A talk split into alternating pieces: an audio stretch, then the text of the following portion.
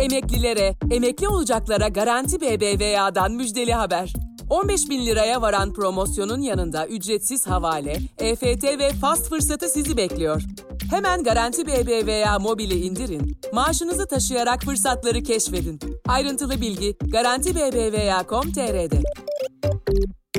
Sevgili seyirciler, yıllarca, yıllarca, yıllarca gençliğimizde, çünkü çocukluğumda dersem yanlış olur, o zaman çocukluğumda Şükrü Tunar'ı dinlerdim. Gençliğimde bir bayram sabahı olduğu zaman Mustafa Kandıralı'nın yaptığı oyun havaları gerçekten insanları duygulandırır, bazen ağlatır, bazen coştururdu. İşte yarın bayram. Gelin Mustafa Kandıralı'yla güzel bayramı hep birlikte karşılayalım.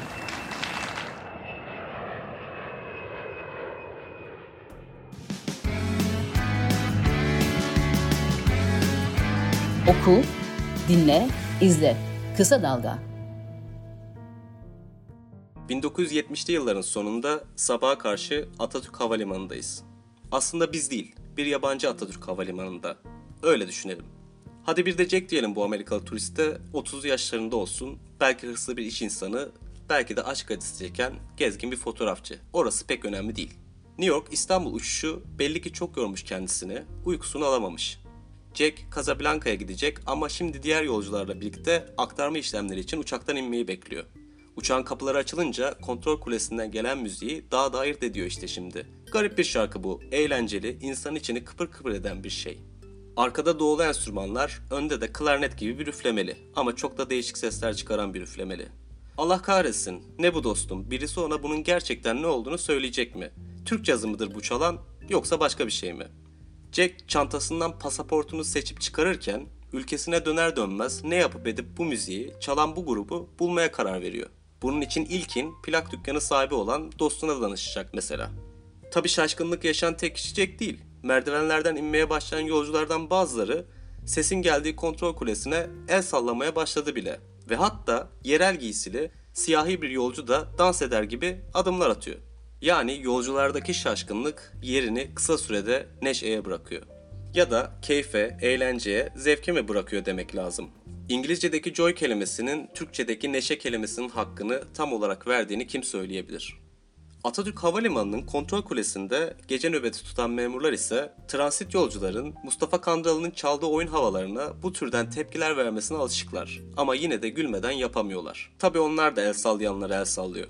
Aslında memurlar Kandıralı'nın long play'ini kontrol kulesine kimin ne zaman getirdiğini de bilmiyor. İlk başta kafa dağıtmak için kendi aralarında çaldıkları bu plağı muzip bir iş arkadaşlarından gelen yahu biz bu transit yolculardan o kadar para alıyoruz bari onlara bir kıyamız olsun teklifinin ardından kule hoparlörleri aracılığıyla aktarmalı yolculara dinletmeye başlamışlar ve şimdiye kadar hiçbir şikayet de işitmediklerinden bu onlar için bir ofis geleneğine dönmüş. 74 yaşındaki eski gazeteci Özkan Altıntaş, Mustafa Kandıralı'nın vefatının ardından kaleme aldığı yazıda Atatürk Havalimanı'ndaki bu neşeli günlerin 12 Eylül 1980 darbesine kadar sürdüğünü anlatıyor. Ben ise yukarıda Altıntaş'ın anekdotunu biraz daha hikayeleştirerek aktardım sadece size. Ve açıkçası yerli yabancı kaynaklarda yaptığım araştırmalar sonucu Mustafa Kandıralı müziğinin hem yurt içindeki hem de yurt dışındaki karşılığını bu kadar iyi özetleyen başka bir anıya da rastlamadım. 70'li yıllarda gece nöbetini katlanabilir kılmak için Kandıralı'nın oyun havalarını dinleyen şehirler. Yine bu şehirlerin turistlerle çok bariz bir şekilde ülkelerini temsil ettiklerine inandıkları, Kandıralı müziği üzerinden kurmaya çalıştıkları iletişim ya da sadece küçük bir merhaba. 12 Eylül darbesinin ardından ortadan kalkan ilk şeylerden biri. Yani neşe. Ve tabi Türkiye'de ya da yurt dışında ilk kez duydukları Kandıralı'nın klarnetinin büyüsüne kapılıp giden yabancı müzik severler. Ülkenin zirvesindeki bu hareketlilikten habersiz olan halk askeri yönetimle birlikte kendi kabuğuna çekilmişti. Bir zamanlar miting meydanlarını dolduranlar şimdi evlerinde ilk kez televizyonla tanışıyorlardı.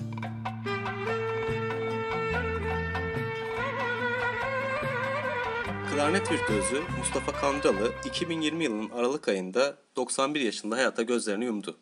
70'li yıllardan 80'li yıllara uzanan süreçte radyo ve televizyondaki yılbaşı geceleriyle bayram sabahlarının aşina yüzlerinden biri olan Kandıralı'nın bir yeni yılın hemen öncesinde vefat etmiş olması hayatın ufak bir ironisi olsa gerek. Klarnet üflemeye 9-10 yaşında başladığı düşünülürse yarım asra aşkın bir sanat hayatı var karşımızda. Solo ya da orkestra kadrosundan çok sayıda single, albüm, İstanbul'dan Tunus'a, New York'tan Frankfurt'a uzanan konserler ve sayısız ödül. Ama hayranlık uyandıran tüm yönlerine rağmen 80'li yılların başından itibaren Kandıralı'nın klarnetinin sesinin de gittikçe daha az duyulduğunu biliyoruz. Bunda hem müzik dünyasına küskünlük, sağlık sorunları, aile üyelerinin kaybı gibi bireysel sebepler hem de neşenin yerini zaman içinde kaosun, kaygının, gerginliğin, belirsizliğin alması gibi toplumsal sebepler etkili olmalı. Malumunuz bugünün Türkiye'sini tanımlayan kelimelerin başında zıt şeylermiş gibi görünse de istikrar ile belirsizlik kelimeleri geliyor. Ve elbette neşe artık bir semt adı bile değil. İşte arşivlerin el verdiği kadarıyla Mustafa Kandıralı'nın yolculuğuna şöyle bir göz atmak, klarnetinden dinlenen oyun havaları kadar etkili olmasa da tabi ruhlarda bir kıpırtı yaratabilir. Ben Kısa Dalga'dan Özgün Çağlar, sen de çal be Kandıralım. Mustafa Kandıralı arkadaşlarından Bahriye Çiftetelisi. Mustafa Kandıralı tarafından orijinal kasap oyun havası. Ne güzel çalıyorlar değil mi? Efendim programımıza böyle başlamak istedik. Çünkü e, bulunduğumuz yer müzisyenleriyle ünlüdür. Ünlü klarnetçiler hep bu bölgeden yetişmiştir. Çünkü burası Kandıra, Kandıra'nın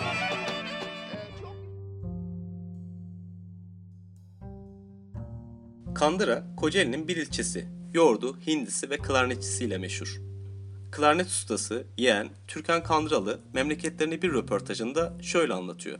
Bakın her yerde konser verirsiniz. Ama Kandıra'da bir konser verdiğiniz zaman mest olursunuz. Sizi herkes dinler.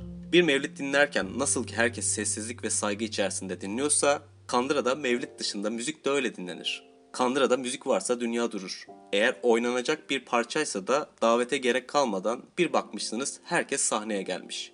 Mustafa Kandıralı ezgilerin sokaklarda dolaştığı böyle bir ilçede müzisyeni bol bir ailede 1929 yılında dünyaya geldi. Babasıyla amcaları klarnetçiydi.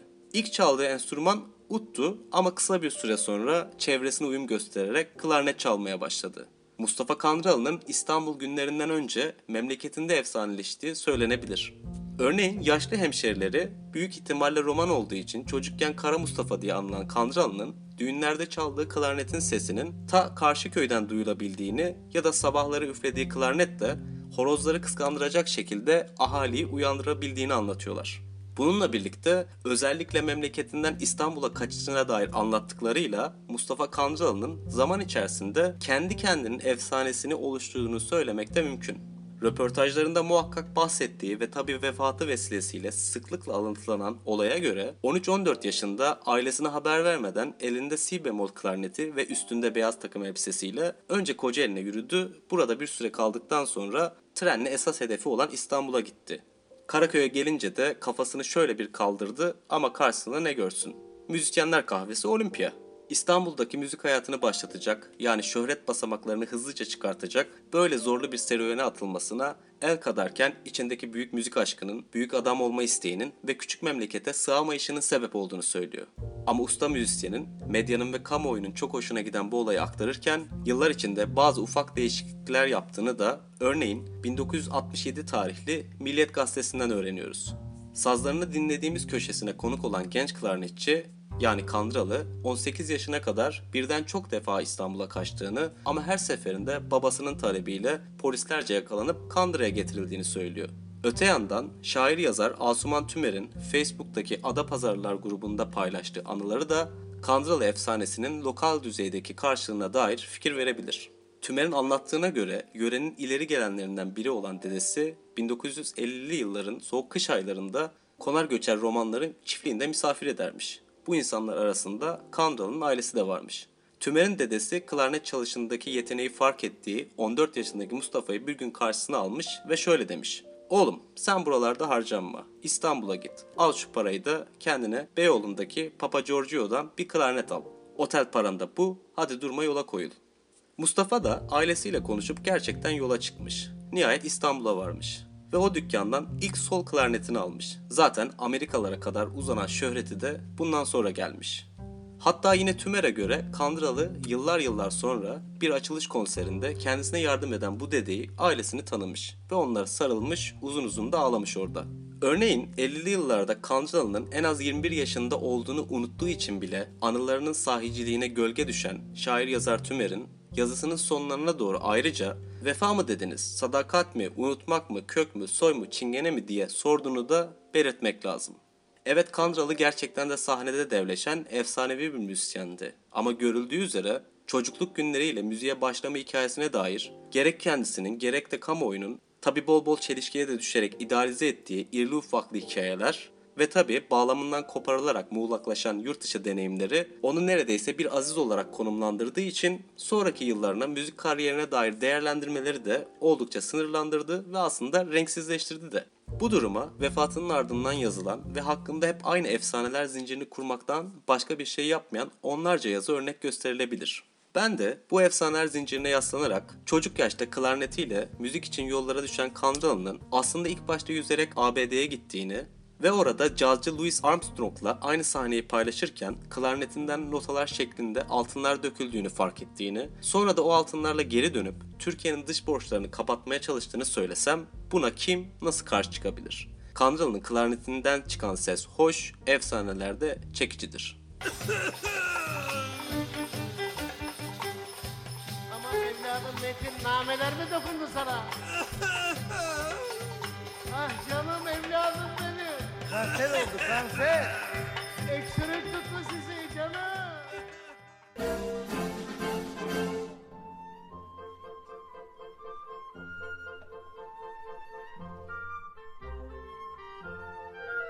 Osmanlı İmparatorluğu'nda klarnet, diğer Avrupa menşeili çalgılarla birlikte İtalyan Donizetti Paşa'nın girişimiyle resmi olarak ilk kez 19. yüzyılda Mızıkay Hümayun'da yani saray bandosunda kullanılmaya başlandı.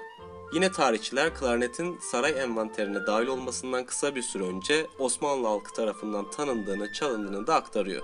Tabi klarnetin tek bir çeşidi yok. Örneğin bandolarda ve caz gruplarında si bemol klarnet kullanılırken halk ve sanat müziğinde sol klarnet kullanılıyor. Klarnetin Türkiye müziğindeki 200 yıla yakın yolculuğunun da esasında popüler icracıların üsluplarıyla, gelenek aktarımlarıyla şekillendiğini söylemek mümkün. Osmanlı'da İbrahim Efendi ile başlamış bu yolculuğun Cumhuriyet safhasında iki isim öne çıkıyor. 1907 ile 1962 yılları arasında yaşayan Şükrü Tunar ve ardından Kandralı.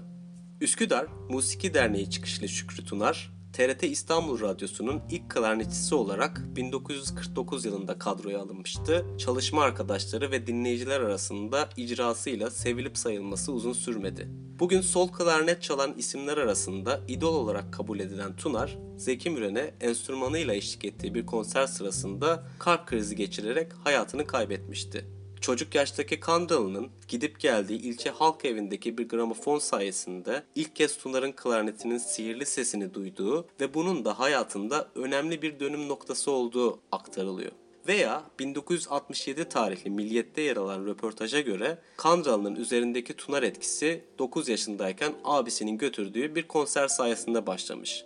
Burada yine karşımıza birbiriyle çelişen ve nihayetinde idealize edilmiş hikayeler çıkıyor. Elbette Kandralı'nın üzerinde dönemin popüler icracısı Tunar'ın çok büyük etkisi oldu. Ama ben bunun çocuklukta değil, İstanbul'a nihayet kalıcı olarak yerleştiği ve taşralı genç bir klarnetçi olarak piyasada süksesinin, görünürlüğünün arttığı dönemde başladığını düşünüyorum. Kandralı, Üstad Tunar'ın halefi olduğunu önce kendisine sonra da çevresine kanıtlamak için uzun yıllar boyu tatlı sert bir hırsla onu takip ve taklit etmişe benziyor.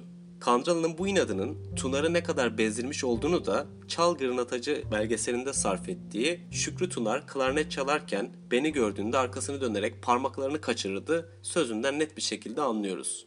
Ama yukarıda bahsettiğim gibi Türkiye müziğindeki klarnet icracılığının da böyle bir geleneği var yapacak pek de bir şey yok. Tunar vefat ettiğinde tahtına Kandralı oturdu. Zeki Müren'le de klarnetçisi olarak 20 yılı aşkın bir süre çalıştı. Ayrıca Kandralı Tunar'ın klarnetini hatıra olarak edinmek istemişse de eş güzde Tunar'ın bu teklifi kabul etmediği biliniyor. Özetle kurucu baba İbrahim Efendi'nin klarneti Tunar'dan Kandralı'ya, oradan da varis çokluğu sebebiyle Selim Sesler, Hüsnü Şenlendirici, Serkan Çağrı, Kirpi Bülent gibi isimlere geçti. Şimdi son yıllarda gerçekten eee klarnet enstrümanı güzel bir yol alıyor. Bunda birazcık payımız varsa eğer ne mutlu bize. Ama esas asıl altın klarnet benim Türkiye'de yaşayan efsane olarak bildiğim ve ölene kadar Türkiye'nin hatta dünyanın en önemli klarnetçilerinden biri. Türkiye'nin de en büyük klarnetçisi olacak. Kandıralı'dan geçtiğim bir şarkı var. Kandıralı'ya bir alkış Mustafa Kandıralı Evet. ya. Ondan bir şey çalayım size. Hani bayram sabahlarında çalar.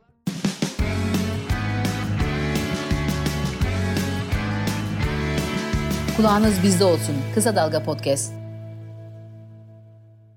Kandıralı'nın 60'lı yıllardan itibaren yavaş yavaş markasını oluşturmaya başladığını görüyoruz. Ve bu markanın arkasında gerçekten de yetenek, istikrar, dürüstlük ve gusto sahibi olması saklıydı. Kandıralı tek kanal TRT'den özel kanallar ile radyoların ilk dönemlerine değin, Neşe'nin yılmaz bir savunucusu olarak hep ön planda oldu. Bayram sabahları ile yılbaşı gecelerindeki canlı yayınları bir yana, albümleriyle de doğum günlerine, sünnetlere, nişanlara, düğünlere eşlik etti. Yine örneğin Süleyman Nazmiye Demirel çiftinin 41. evlilik yıl kutlamaları ile İstanbul Hava Yolları şirketinin 1986 tarihli lasmanında insanları eğlendirdiği de görülen Kandıralı'ya biraz daha yakından bakmakta fayda görüyorum. Günümüz klarnetçilerinden Serkan Çağrı'nın dediği gibi klarnet, icracısının ruh haliyle, karakteriyle şekillenen bir enstrüman. Genelde parıldayan İtalyan yapımı metal klarnetiyle sahneye çıkıp insanları eğlendiren Kandıralı'nın iş hayatında biraz aksi bir olduğuna dair hikayelerle de karşılaşabiliyoruz. Ama bu durum tamamen işine olan saygısından kaynaklanmaktaydı. 1999 yılında Hürriyet gazetesine bir röportaj veren Kandıralı şöyle diyordu.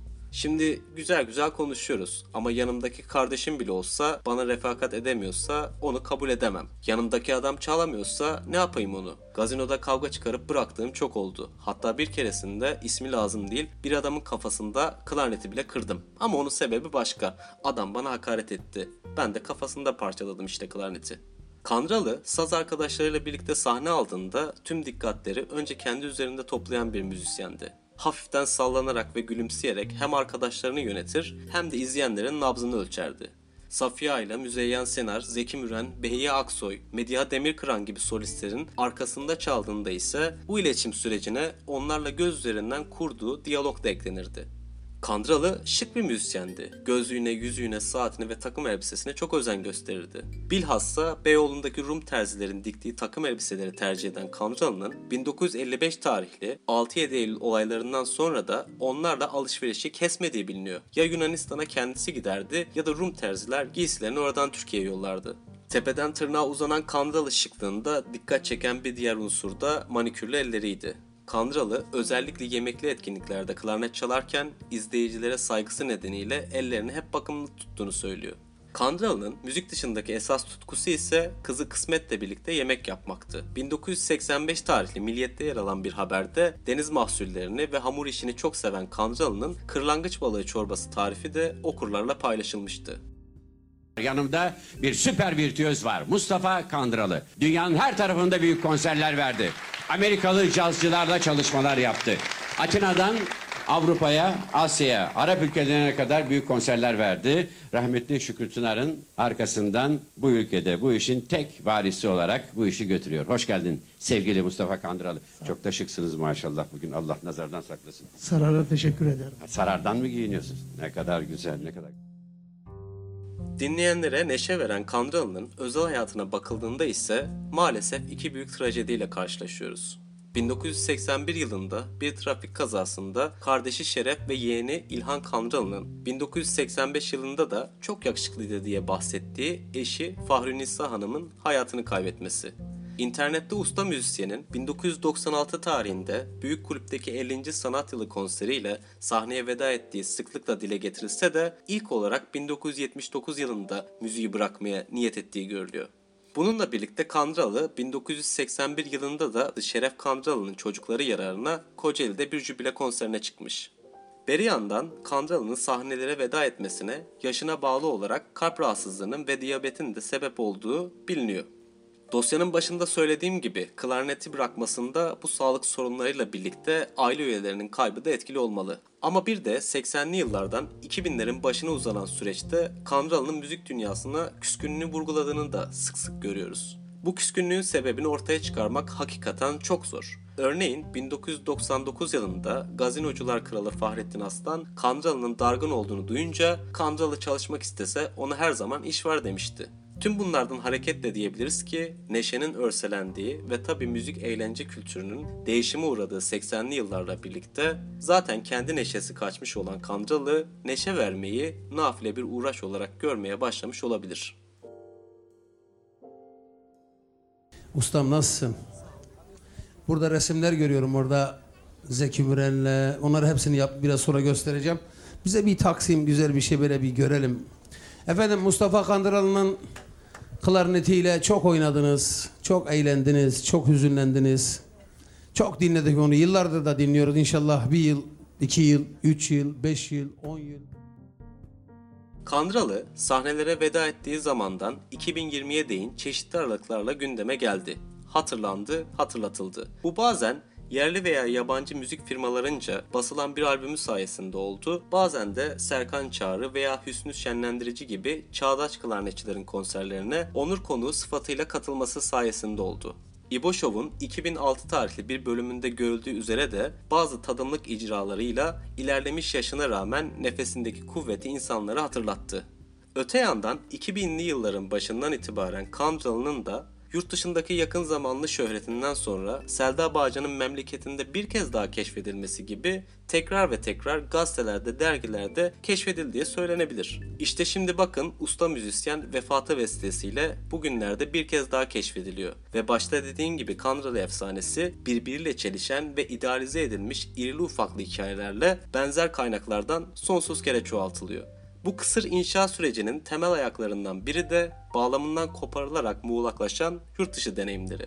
Evet mesela 90'larda Almanya ve ABD'de cazın etnik teası diye lanse edilen Kandralı zamanında Louis Armstrong'la da Ümmü Gülsüm'le de Fayruz'la da bir iki defa aynı sahneyi paylaşmış olabilir. Ya da klarnetinin sesi Kopenhag'dan Sofya'ya, Paris'ten de New York'a dünyanın birçok yerinde işitilmiş ve hala daha işitiliyor olabilir. Bu türden bilgilerle karşılaşınca memlekette sık sık zihni formatlanmış bizlerin şaşkınlık yaşaması elbette normal. Ama o şaşkınlık geçince de aşağıdaki sorulara benzer soruların peşine düşmek şart gibi.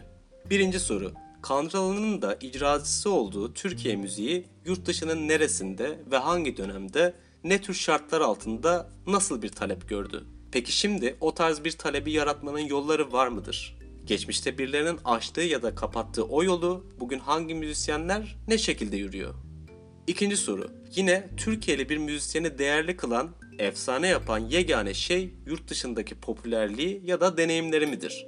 Diğer yandan o müzisyeni ortaya çıkaran şartlar ile çalışma arkadaşları ya da artık unutulmuş muadilleri, ustaları önemsiz midir? Üçüncü soru ve bence esas can alıcı soru da bu olsa gerek. Bugün Kandalı'nın herhangi bir albümünü yabancı müzik severler gibi üst üste dinleyebiliyor muyuz gerçekten?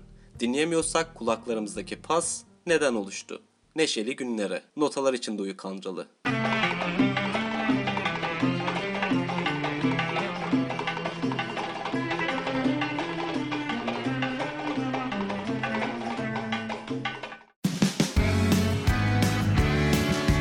Bağımsız, objektif, kaliteli haber. Kısa Dalga Medya.